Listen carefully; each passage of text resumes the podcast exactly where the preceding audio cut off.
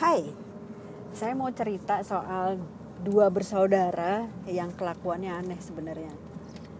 Eh, jadi baby punya anak dua, namanya Boncel dan Bubu. Tadinya sih namanya Abu, cuma karena biasa kan udah lagi nggak ada ide ya mana nama.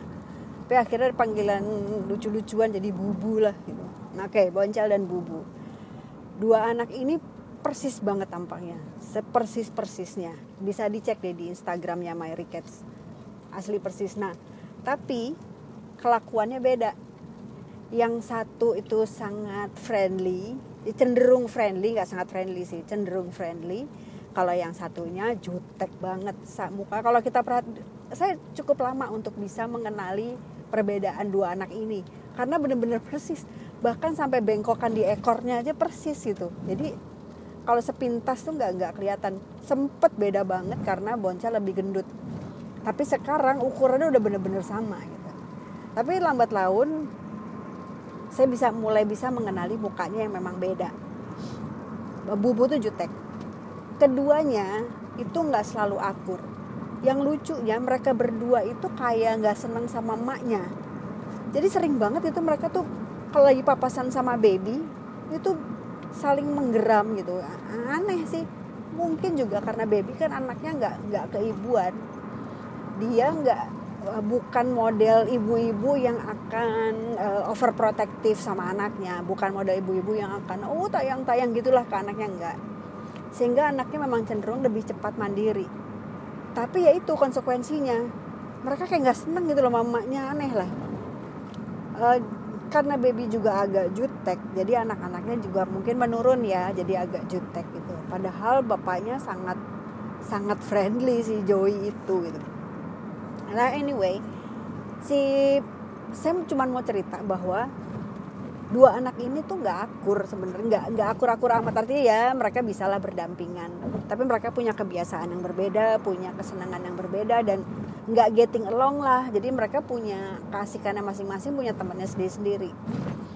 Tapi entah kenapa mereka kalau ada Ebi jadi kalau Ebi datang jadi kan Ebi itu memang tadinya ada di studio bersama mereka cuman karena sempat bermasalah akhirnya ya udah Ebi di kandang aja dulu biar dia lebih aman.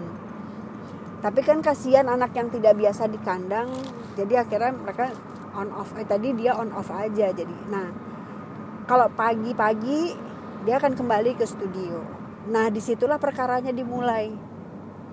Ah, bubu dengan boncel tuh kalau lagi kumat itu bisa nyerangnya dengan berstrategi bersama itu aneh banget. Dia kebetulan ada Ebi jadi jadi bener-bener kayak kompakan gitu loh. Jadi yang satu ke kiri yang satu ke kanan kayak ngeroyok. Dan sepertinya mereka juga seperti bersepakat gitu untuk eh lo di sana ya gue di situ ya gitu. Jadi ngeteknya bareng. Jadi kayak punya musuh bersama gitu.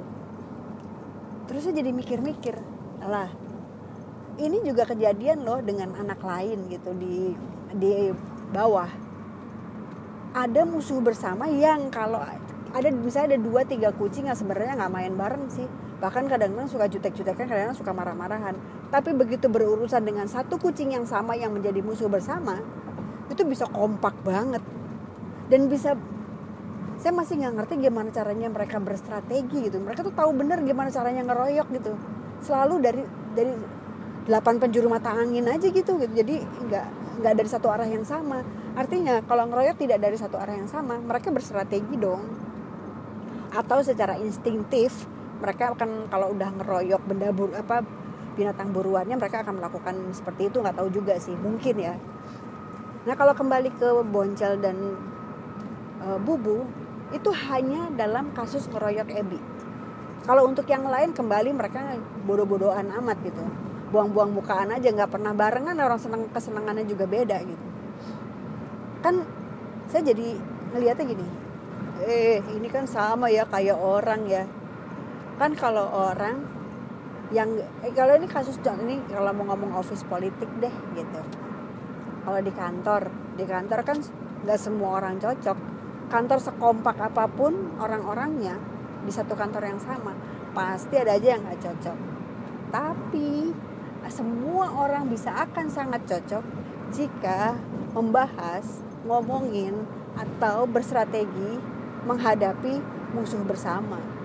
Itu udah di mana-mana. Eh, coba aja kalau bahkan ya kita kalau jadi orang baru deh di kantor masuk aja.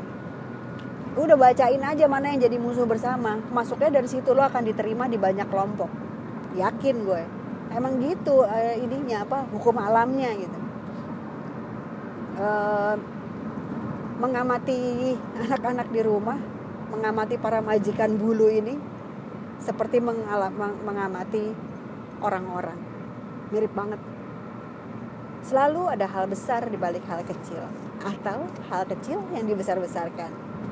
Sampai jumpa lagi, sampai selamat hari ini ya. Bye.